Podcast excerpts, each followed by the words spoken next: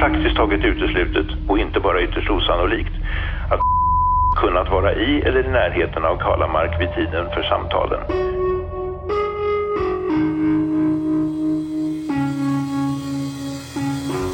Det är extremt, för en jurist, mycket, mycket stark skrivning. De är fullständigt övertygade om att det inte har gått till på det sättet. Vi har styrkt att det inte har gått till på det sättet.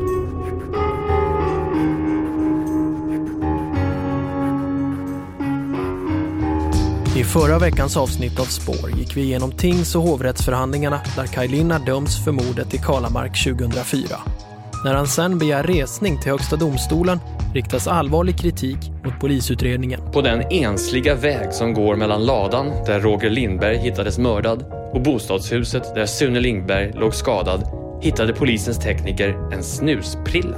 Och det redovisas aldrig för domstolen.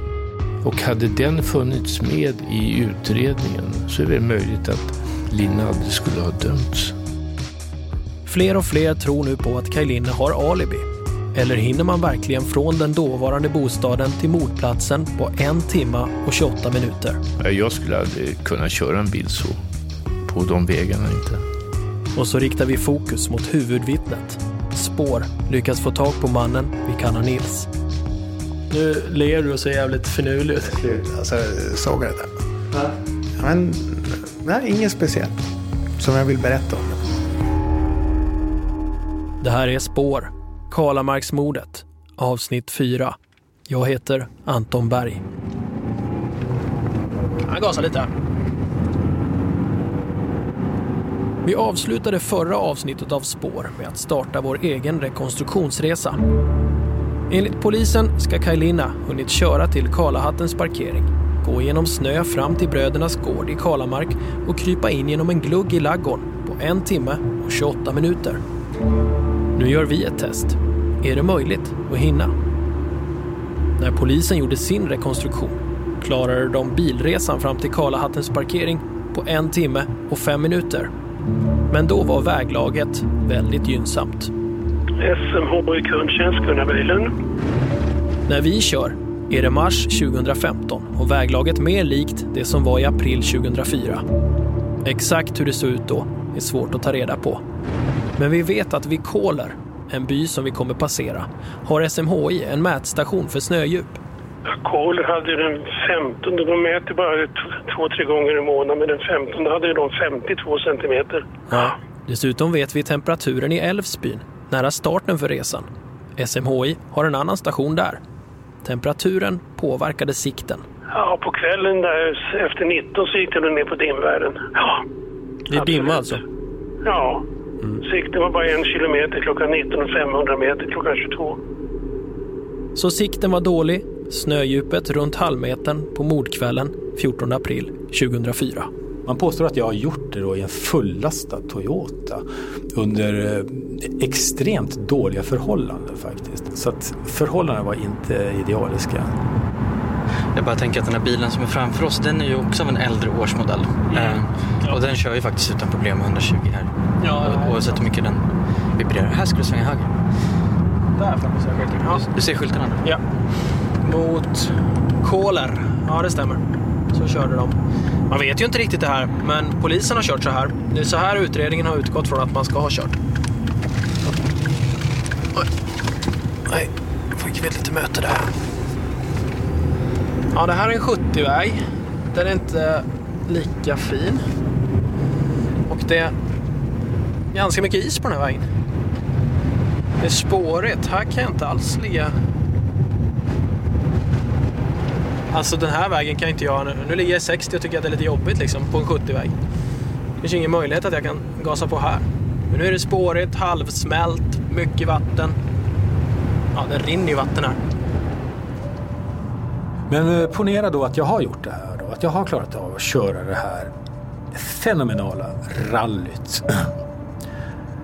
Då ska jag dessutom under den här färden ha gjort vad som ska liknas vid en eh, stafettöverlämning mer eller mindre och bytt bil. För det är ju inte Toyotan som har iakttagits utan det är en okänd vit bil som har iakttagits. Vad fan händer där framme? Så där kan man inte göra. Ja. Mitt på 70-sträckan mot Kåler står plötsligt två bilar och spärrar effektivt vägen för oss. Precis det som sker här nu måste också ha skett med Kai. Att man byter bil. Så vi bara fråga om de behöver hjälp. Behöver ni hjälp eller? Är allt bra? Är allt okej? Jo, jo, jag kommer och hjälpa till dem. Ah, ja, okej. Okay. Bra. Hej. Vi kan helt enkelt... Jo, men jag sa det. Vi kan, vi kan låta klockan gå, för precis det här måste ha hänt Kai också.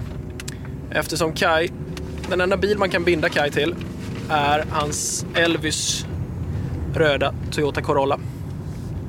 Men mördarens bil är Gärningsmannens bil är med all största sannolikhet en vit bil. Eh, som vittnet Tore Fahlgren har sett. Så Kai måste alltså ha bytt sin bil någonstans också. Och det kan ha tagit ungefär så här lång tid. Det får inte ha tagit mycket längre tid i alla fall. Medan vi kör kan vi fortsätta historien. För i förra veckans avsnitt hörde ni också hur först tingsrätten och sen hovrätten dömde Kaj Linna för mordet i Kalamark. En av de saker som avgjorde för lagmannen Dan Ankarholms del när han ansåg att Kajlina var skyldig, det var de blå byxor som försvunnit från huset som Kajlina hyrde och som enligt åklagaren är samma byxor som vittnet Erling ser försvinna in genom gluggen i laggården i Kalamark. Jo, det var byxor, några blåa byxor som hans eh, dåvarande sambo eh, saknade och som någon hade sett krypa in i det här smala fönstret. Men byxorna var aldrig borta. Jag blir nästan gråtfärdig när jag pratar om det, för det här är något som har förföljt mig nu i snart, alltså han har suttit inne nu i fan 14 år eller vad det är. Det här menar Elvy Karlsson, som ägde huset som Kajlina hyrde. I både tingsrätt och hovrätt vittnade Elvy Karlsson om att byxorna faktiskt hade försvunnit. Jag kan inte förstå annars vad, vart de ska hängs undan. Eller. Men inte 100 procent säker? Ja, 99,9. Det var jag ju, naturligtvis. De var ju borta, då hittade de ut. Så då var jag 100, eller 99 procent säker på att de var borta. Men efter hovrättsförhandlingarna de skedde i mars 2005, så hittar Elvi byxorna igen. Jag, jag tror det var sommaren 2005. Och vi skulle städa upp i källaren och flytta undan ved. Alltså pappa brukar säga det att man måste flytta om veden för att det ska bli så här äckligt bakom väggarna. Och städa. Och då, då hittade vi byxorna bakom de där brädorna på sidan. Och det var just de byxorna som hade varit borta innan då? Eller ja, som var, du saknade? Det var ju de jag hade saknat som brukar hänga på den där kroken. Ja, det, det är helt klart de. Hon som berättar om att hennes pappas byxor hade försvunnit och de som påstås sen ha dykt upp på mordplatsen. Hon återfann dem. Advokaten Anders Karlsson får en andra chans med Kajlinas fall. Då hade jag mest kontakt med hans syster faktiskt. Hans syster var den som tog kontakt med mig eh, och, eh, och eh, frågade mig, på Kajs uppdrag förstås. Och nu har Anders Karlsson hjälp av DN-journalisten Stefan Lisinski som publicerar en artikel med rubriken “Falsk vittnesuppgift fällde Kaj för mord” i juni 2006. Återigen handlar det om den mobiluppkoppling nära centrala Piteå som skedde när vittnet Nils påstår att han egentligen var i Kalamark med Kajlina. För nu har advokat Karlsson kopplat in mobilexperter från Kungliga Tekniska Högskolan. Jag minns att jag var ute och träffade de här forskarna och att vi, att vi kom fram till att det fanns en möjlighet att, nu, att kolla upp det här eh, mobilspåret. Ehm. Och experterna kan ge en mer exakt bild av vad Kajlina och Anders Karlsson redan anat. Det gick ju över förväntan för att vi kunde ju då visa om jag nu minns rätt, jag tror att jag minns rätt. Vi kunde verkligen lokalisera Nils och kunde se då att han var verkligen inte där, han var på en helt annan plats. Och det fanns ingen möjlighet att han kunde genomföra en övervakningsinsats. Och det tyckte jag var ju lite bingo. Men för att få resning krävs det att bevisningen är ny. De här experterna ifrågasattes ju inte från åklagarsidan men, men det var snarare så att det här hade de redan förstått i domstolen när de bedömde det här. Och trots KTH-experternas utlåtande avslås resningsansökan. Byxorna som återfunnits anses inte som tillräckligt viktigt bevis för att ha kunnat ändra utfallet. Men Stefan Lesinski ger inte upp. Det här är ju ett ovanligt fall för mig också. Verkligen. Han engagerar sig tvärtom mer i det här fallet än något annat fall han rapporterat om under hela sin karriär. Nej, men det är fel. Det, det, det är så fel som det kan vara. Det, det är också... Eh, han, jag är övertygad om att Karolina är dömd för att han framstår som skum, som en skum person. Eh, som eh, är lite, lite udda kanske. Och, och, att eh, det är det som gör att han är dömd helt enkelt. Ja, det känns inget bra alls. Eh, och, och, och, sen var det ju, ja det var inget, det, det var jag liksom som, som upptäckte det här. Och det, en del andra har varit med också med, på resan. Men, men eh, det kändes som, jag började med det. Jag hoppades ju att det här skulle vara avklarat på något år, ganska snabbt. Va? Men så har det ju inte blivit tyvärr utan det, nu är vi inne på, nu har snart suttit i 11 år inne på anstalt.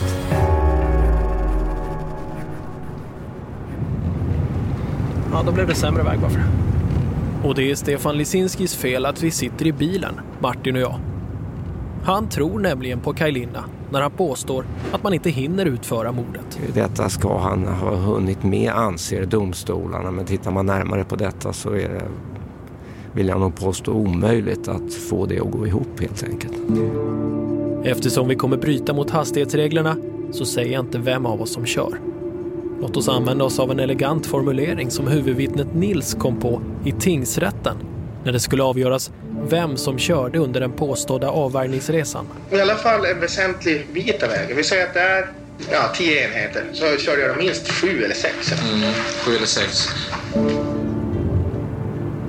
De andra två misstänkta i den här historien, de vi kallar Bertil och Nils, är ju avförda enligt polisutredningen. Låt oss titta närmare på varför. Vi börjar med Bertil, personen som först pekades ut av den överlevande brodern. Bertil har ett alibi som bygger på att han har pratat i sin hemtelefon på mordkvällen. Ja, han, han har ett antal samtal. Dels har han ju väldigt många samtal med Nils och sen har han också ett, eh, något samtal med sin far eh, som ringer, inte precis dåligt senare i och för sig, men, men Eh, som ju då ska visa att han, och det är till hans hemnummer, inte till hans mobilnummer och det ska då visa att han har befunnit sig i hemmet i Luleå. Men det är det som gör att man går vidare, liksom, att man släpper honom? Ja, jag tycker kanske att man kunde vara lite noggrannare där i och för sig. Men, eh, men okej, okay, jag, jag kan inte säga att det är han. Absolut inte. Och så Nils. I ett tidigt stadium i utredningen så ville ju förundersökningsledaren Ivan Wikström pressa Nils hårdare om hur det kunde komma sig att han visste så många detaljer. Nils påstår ju att han har fått höra dem av Kai. Men kunde det kanske vara så att det var Nils själv som var gärningsmannen? Jag fick en känsla av att eh, här, den här personen är inte ärlig. Då blir gluggen plötsligt viktig. Det var ju genom en glugg i ladan som vittnet Erling såg gärningsmannens byxor sticka ut. Vem är så spänstig att man kan hoppa lite grann upp för att nå upp på det här hålet och krypa in. Och dessutom är det ganska begränsat utrymme. Och då tänkte vi på den här killen då från Sollentuna. Då. Eh, att han var ju ganska korpulent och eh, inte alls speciellt smidig i sin kroppsbyggnad. Nils är lite tjock om magen då så att han, han eh, anses inte kunna ta sig in genom den luggen. Det här kommer att prövas extra noga vid det andra resningsförsöket då anlitar Kajlina en tredje advokat. Johan Eriksson heter jag, jag är försvarsadvokat kort och gott. Det har hunnit bli 2010 och Kajlina har suttit fängelse i nästan sex år. Och advokat Johan Eriksson vill undersöka den här omständigheten med vem som kan komma in genom gluggen mer noggrant. Så småningom genomfördes det också en rekonstruktion upp på plats med hjälp av polis på Högsta domstolens uttryckliga begäran kan man säga. De kan egentligen inte tvinga någon att göra det, men de sa att det vore väl lämpligt att göra. Om ni lyssnar via Acasts app så kan ni nu titta på videoklipp från rekonstruktionen. Både med polisens figuranter och så med den träram som Kaj Linna och Johan Eriksson låtit tillverka. Det videoinspelas ju den här rekonstruktionen. Tyvärr blir den ju inte riktigt så bra som vi har tänkt oss. Eh, och det beror väl på att polisen har valt ut en, en, eh, en figurant som det kallas, alltså en person som ska spela den här alternativa gärningsmannen. Och, och, det funkar ju inte som vi har tänkt oss. Eh, och det tror jag beror på en massa olika saker. Bland annat att det är rätt svårt att hitta en figurant som man kan ju hitta en som är lika lång och väger ungefär lika mycket. Men, men eh, folks kroppsvikt fördelar sig ju väldigt olika. Så, att, så att det var väl inget ultimat. Det, det, blev inte riktigt så bra som vi hade hoppats faktiskt. Eftersom advokat Johan Eriksson inte är nöjd med hur polisen utfört rekonstruktionen så tar han till en, åtminstone i rättssalar, tämligen udda expertis. Vad som händer sen är att vi efter rekonstruktionen men innan Högsta domstolen tar ställning till alltihopa tillför den här argumentationen om grottforskare. Som egentligen säger ungefär så här att får man igenom huvudet och axlarna då kommer man igenom.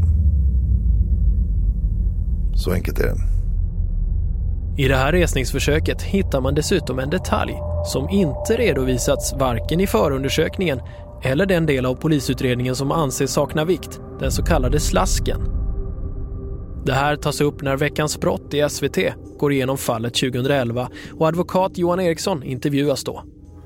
Den här polisutredningen eh, skulle jag skämmas för om jag vore polis. Eh, därför att den har inte varit rättvis. Här, på den ensliga väg som går mellan ladan där Roger Lindberg hittades mördad och bostadshuset där Sune Lindberg låg skadad hittade polisens tekniker en snusprilla. Den hade inte hunnit sjunka ner i snön och skulle alltså mycket väl kunna ha någon koppling till överfallet. Polisen skickade prillan till Statens kriminaltekniska laboratorium i hopp om att hitta DNA-spår. Svaret blir att det inte är Kaj Linnas DNA och sen hamnar den prillan i en låda på den kriminaltekniska roten och svaret ligger i en liten plastficka eller något liknande bredvid och det redovisas aldrig för domstolen. Detaljen med snusloskan blir extra märklig i skenet av det vittnesmål som lämnas av polisens kriminaltekniker i tingsrätten. Vi har hört det förut, men lyssna igen. Spår efter DNA, man hade hittat cigaretter eller man hade hittat snus eller man hade hittat urin eller någonting. Och det är mycket märkligt att man inte har gjort det faktiskt. Att jag, inte hittade det för att eh, det tyder på att det här var om den här gärningsmannen som, som jag tror han har gått här så det är väl planerat. Man har tagit tillvara allt som man kunde tänka sig skulle, skulle underlätta vår utredning. Ja, det fanns ju till att börja med inga DNA-fynd överhuvudtaget. Eh, man... Eh, DN-journalisten Stefan Lisinski igen. hade lämnat in tekniska protokoll på detta och jag hade inte hittat något. Sen visade det sig ju då Ja, det var ju en del av när jag ägnade mig åt att granska det här för några år sedan då, så hittades ett, ytterligare ett protokoll, beslagsprotokoll därifrån. Det, det visade sig att då hade man ju faktiskt hittat en snusprilla i alla fall. Och som man hade fått en DNA-träff på och den stämde ju inte på, på Kaj. Eh, och den stämde inte, så vitt jag vet, på någon känd person här heller. Eh, men detta hade man ju inte redovisat. Eh, och ja, bara det visar väl lite grann hur den här utredningen har skötts. Eh, inte jättestarkt bevis naturligtvis för man kan ju inte säga att den där prillan, eh, att det är mördaren som har, eh, som har spottat ut den där prillan. Men, men eh, det är klart att det ska redovisas och det pekar ju snarare för, för att det är någon annan än att det skulle vara Kaj. Men det som kommer göra mest intryck på Högsta domstolen vid det här resningsförsöket är återigen telefonuppkopplingen som sker från Nils mobiltelefon i Piteå när han menar att han egentligen är i Kalamark med Kajlina på en avvärjningsresa. Så här var det. Åklagaren påstod var man inte kunde befinna sig. Min frågeställning till KTH var var kan man befinna sig? Kajlina har funderat länge på den här detaljen. Men svaret han får från Kungliga Tekniska Högskolans experter ger honom ett bättre besked än han vågat hoppats på. Och då får jag ett väldigt konstigt svar från KTH därför att då säger han att det här är ingen mast, det här är en basstation. Och den eh, har som uppgift att betjäna delar av centrala Piteå. Och enligt eh, den praxis som finns på sådana här basstationer så har den en räckvidd på maximalt 1000 meter. Och det förändrar ju hela bilden. Därför att det bevisar ju allt som jag behöver bevisa. Att det som Nils påstår är lögn och förbannad dikt. Och det har jag förnekat hela tiden. Det här har aldrig hänt. Så det är ju jättebra bevisning. Då skickar jag in det här till Högsta domstolen. Och nu händer det som verkligen gör att det finns fog för att fundera över formuleringen bortom rimligt tvivel. Vad betyder den i vårt svenska rättsväsende? Eh, det framgår ju också i det som vi skrev ser jag här. Att det, Det här är Leif Thorsson. Han var en av de fem justitieråd i Högsta domstolen som bedömde Kajlinas resningsansökan. Och Leif Thorsson och Kerstin Kalisendorf gör följande bedömning. Vad som sålunda åberopats visar enligt vår mening att det är praktiskt taget uteslutet och inte bara ytterst osannolikt att kunnat vara i eller i närheten av Kalamark vid tiden för samtalen. Man tror helt enkelt inte på Nils historia. Någon trovärdig förklaring till att samtalen ändå ringts från hans telefon medan han själv skulle ha företagit den så kallade avvärjningsresan i trakten av Kalamark har inte lämnats. Det är ju en extremt, för en jurist, mycket, mycket stark skrivning. De är fullständigt övertygade om att det inte har gått till på det sättet. Vi har styrkt att det inte har gått till på det sättet. Advokat Johan Eriksson har lyckats övertyga två justitieråd i Högsta domstolen om att Nils historia om den så kallade avvärjningsresan inte stämmer. Och det betyder i sin tur, menar Leif Thorsson och Kerstin Kalisendorf, att resning ska beviljas. Tilltron till uppgifter har haft sådan betydelse för hovrättens avgörande att de nu nämnda förhållandena sammantagna med bevisläget i övrigt i målet innebär att det enligt vår mening finns synnerliga skäl att på nytt pröva frågan om Kajlina har förövat de brott för vilka han dömts. Och det de säger är att ni har lyckats motbevisa eh, åklagarens huvudbevisning och därmed så finns det liksom ingenting kvar utan det måste tas om igen. Problemet för Kajlinna och advokat Johan Eriksson är bara att de tre andra justitieråden inte håller med. Och tre justitieråd svamlar fullständigt bort alltihop och säger det här var ingenting nytt. Det de, det de, det de säger indirekt är att vi, vi har hela tiden vetat att Nils ljuger. Det är indirekt vad de säger. Va? Det var ingenting nytt. Så, men varför är jag dömd då? Om, om, om kronvittnet ljuger, om det inte finns någon annan bevisning. Det, det som är konstigt är ju att det kan bli så. Jag tycker egentligen, kan man övertyga två justitieråd av fem om att den här domen borde prövas på nytt, då borde det räcka. Så, det, så ser det ut idag.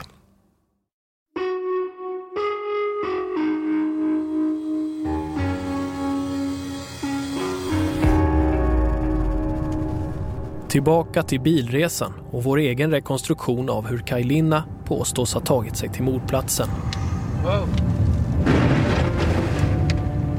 Vi tar oss på bitvis isiga vägar där det är svårt att ens hålla de 70 km i timmen som man får.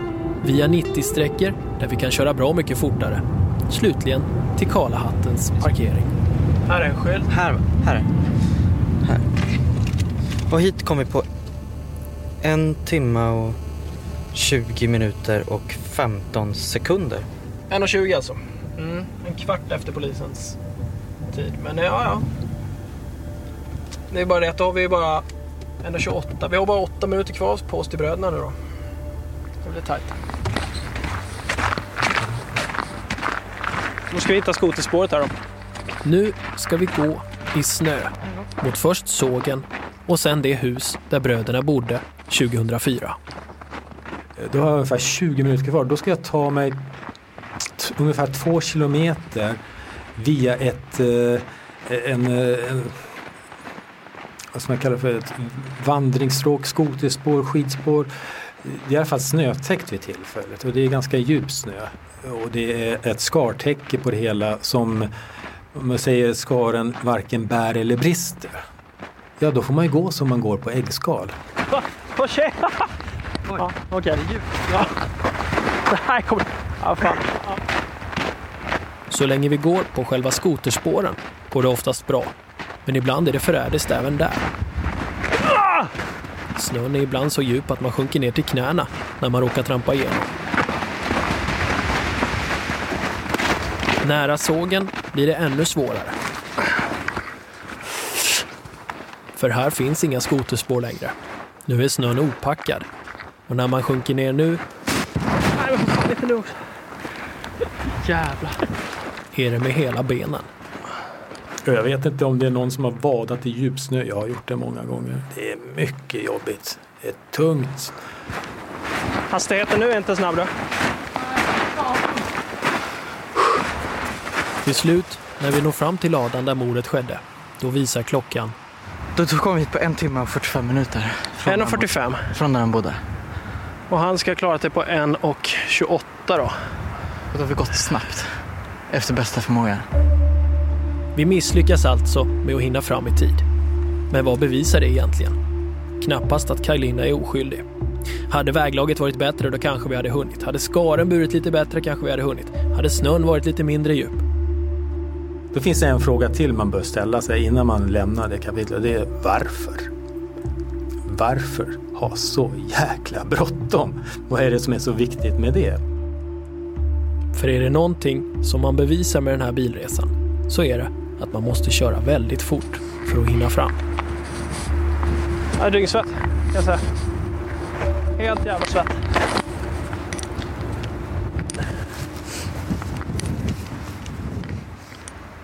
Under tiden vi jobbat med det här fallet så finns det en person som så gott som alla vi pratat med återkommer till. Det handlar om en person som ska sitta inne på mer information om brottet. En person som förhörts otaliga timmar men som ändå inte sagt allt. En person som jag tror definitivt har någonting med det här att göra på något sätt. För någonstans har jag en känsla av att han inte är helt bekväm med vad som har hänt med, med Kai. Jag får en sån, en liten sån känsla. Jag kan ha fel där men... Denne Nils sitter ju inne med information om det här. Han vet mycket mer vad som har hänt än vad han har berättat. Varför säger du så? Ja, för att han har ju, det är hans, ifrån honom som hela historien kommer. Vi lägger ner ganska mycket tid på att försöka få tag på Nils. Och medan vi gör det så snubblar vi över en annan intressant person. Jag heter Mårten Barkvall och är filmare. Dokumentärfilmaren Mårten Barkvall. Och jag blev nyfiken. Jag blev nyfiken på Kai när han säger så pass tydligt att jag är helt oskyldig för det här och han är ändå dömd då. Um, och jag är ändå jurist, så jag vet ju ungefär vad det innebär liksom att, att en, sån, en sån process och gå igenom det och bli dömd i två instanser, det är och sen då hävda att man är helt oskyldig då. Det innebär ju att, att antingen så ljuger ju Kaj eller så har ju rättsväsendet helt havererat här.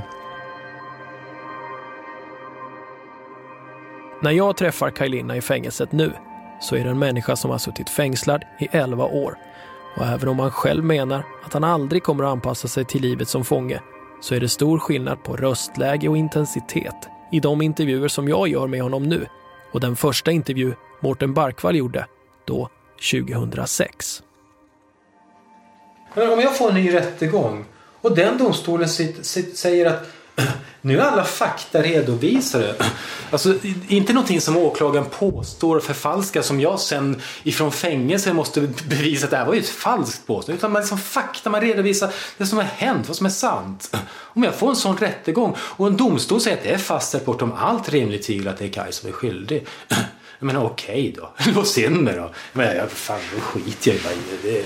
Då orkar jag inte med det. Men alltså, det, det, då är det bara att acceptera. Det är en sån värld vi lever i. Alltså det... Men kom inte med något falskt jävla påstående och säg att på grund av det här eller på grund av det här eller på grund av det där. Filmen Mårten Barkvall gör om fallet Kaj Linna, den är långt ifrån klar. Han intervjuar många personer runt historien och har inte bestämt hur eller när projektet ska sluta. En av personerna han kommit i kontakt med är Nils.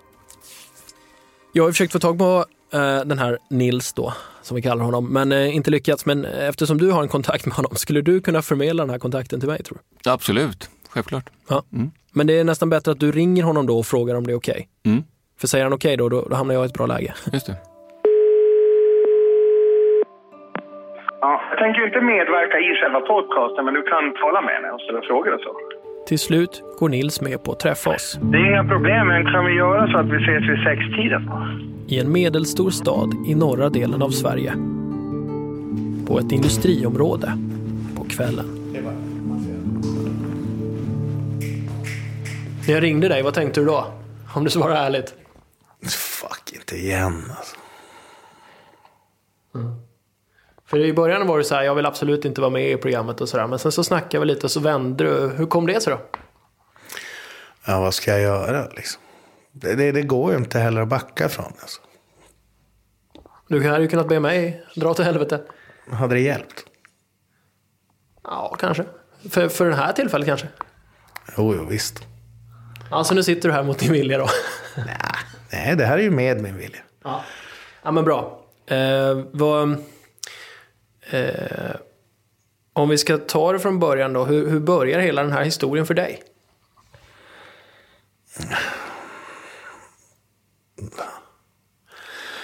Ja, hur börjar den här historien för mig? Men det är frågan är när den började. Och om det var flera år innan eller om det var just då eller några månader tidigare till exempel. Så eh, gjorde jag en uppgörelse mellan bröderna. Och eh, en annan extern. Eh, och eh, där någonstans började det väl. För när Kajsen berättar att nu ska han göra det här så vet jag vad han avser. Han har ju tjatat om det tidigare. Och eh, det var väl där någonstans det började egentligen. Nils berättar att uppgörelsen han gör med bröderna sker eftersom bröderna och Bertil, ni minns mannen som sålde kassaskåp med Kajlina till bröderna och som sen sålt bland annat brandsläckare till bröderna och som sen också pekades ut på rösten av den yngre brodern, ja Bertil, och bröderna. De kunde nu inte prata med varandra. Därför ringer Bertil till Nils och ber honom medla. Ja, han börjar berätta att han vill ha hjälp med det här och så gör jag det uppdraget åt honom och får en förlikning mellan de två. I två steg. Och eh, vi har avtal på det att nu är alla affärer avslutade och sådär. Hur mycket pengar handlar det om? Jag tror att det är 140 000, 80 plus 60. Och de betalar kontant eller? Ja, ja det gjorde de. Den historien stämmer också med vad Nils tidigare berättat. Och samma sak med vad han påstår att Kajlina ska ha berättat före mordet. Vad är det han säger att han ska göra? Men att han ska klippa skåpet. Alltså inte att han ska ha ihjäl någon eller något sånt där. Eller ens hota någon. Så. Utan det är någon form av inbrott eller stöld eller liknande. Som jag, som jag uppfattar det. Alltså. Ett vanligt tillgreppsbrott. Alltså. Och då menar Nils att han försöker avvärja Kajlinas planer mot bröderna i Kalamark. För jag förstår ju med den kontakt vi har haft och bla bla bla. Alltså eh, vad som skulle hända. Så att jag skulle förmodligen bli huvudmisstänkt eller något sånt där. Åtminstone misstänkt. Vad säger han då? Nej, du vet inte vart det är. säger han. Hittills stämmer historien bra med vad Nils sagt tidigare både i tingsrätt och hovrätt.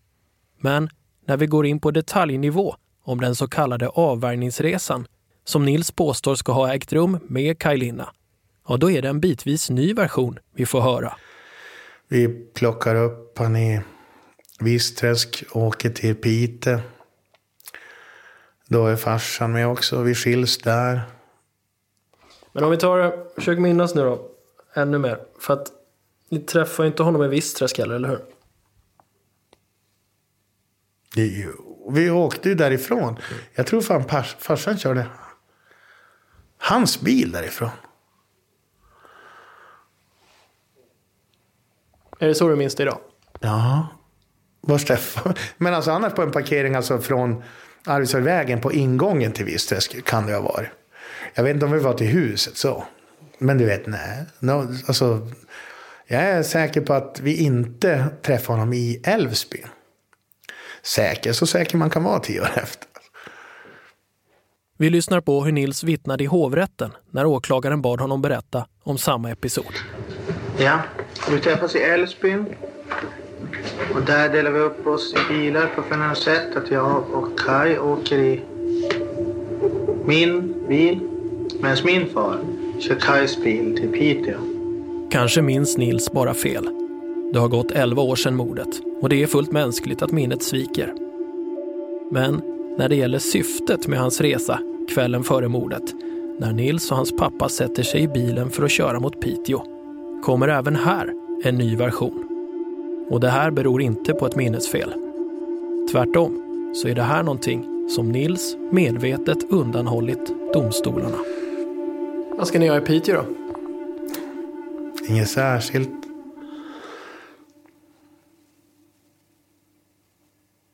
Nu ler du och ser jävligt finurlig ut. Slut. Alltså, såg jag det där? Va? Men, nej, inget speciellt. Som jag vill berätta om nu. Okej. Kan vi fimpa det? Ja, eller vadå? Vill du berätta någonting som du inte har berättat tidigare så är det ju svårt att fimpa liksom. Nej, nej, nej. det är Inte något sånt. Utan, nej, men jag vill inte att vi går in på det av andra skäl. Ja, men du vet, ska vi stänga av då? Mm. I nästa avsnitt av Spår. Det Nils berättar när jag stänger av min bandspelare kan få avgörande betydelse för Kaj Linna. Som sagt, alltså, jag vill inte figurera på det viset just nu, men jag kan suga på karamellen. Vi tänker på det på varsitt håll och så, så hittar vi på något smart. smart och smart, men ja, ja visst. Du kan slå en signal när det börjar närma sig. Det finns också en annan teori om vem som är mördaren i Kalamark 2004. För det mordet är väldigt likt ett mord som skedde 2011. Och eh, när vi bara tittade på bilderna från de här väggen så, så var det ju otäckt likt. Och då gjorde vi en profilering. Och den blev kuslig. Hur menar du då? Det var så mycket som stämde överens. Spår görs av produktionsbolagen A1 Produktion och Ljudbang tillsammans med Acast. Ljudtekniker är Jonas Sjöberg. Researcher Lisa Dumoulin. Produktionsassistent Anton Emanuelsson Vretander. Exekutiv producent på Acast är Carl Rosander. Fortsätt diskutera spår med oss, Anton Berg och Martin Jonsson, under hashtag Kalamark.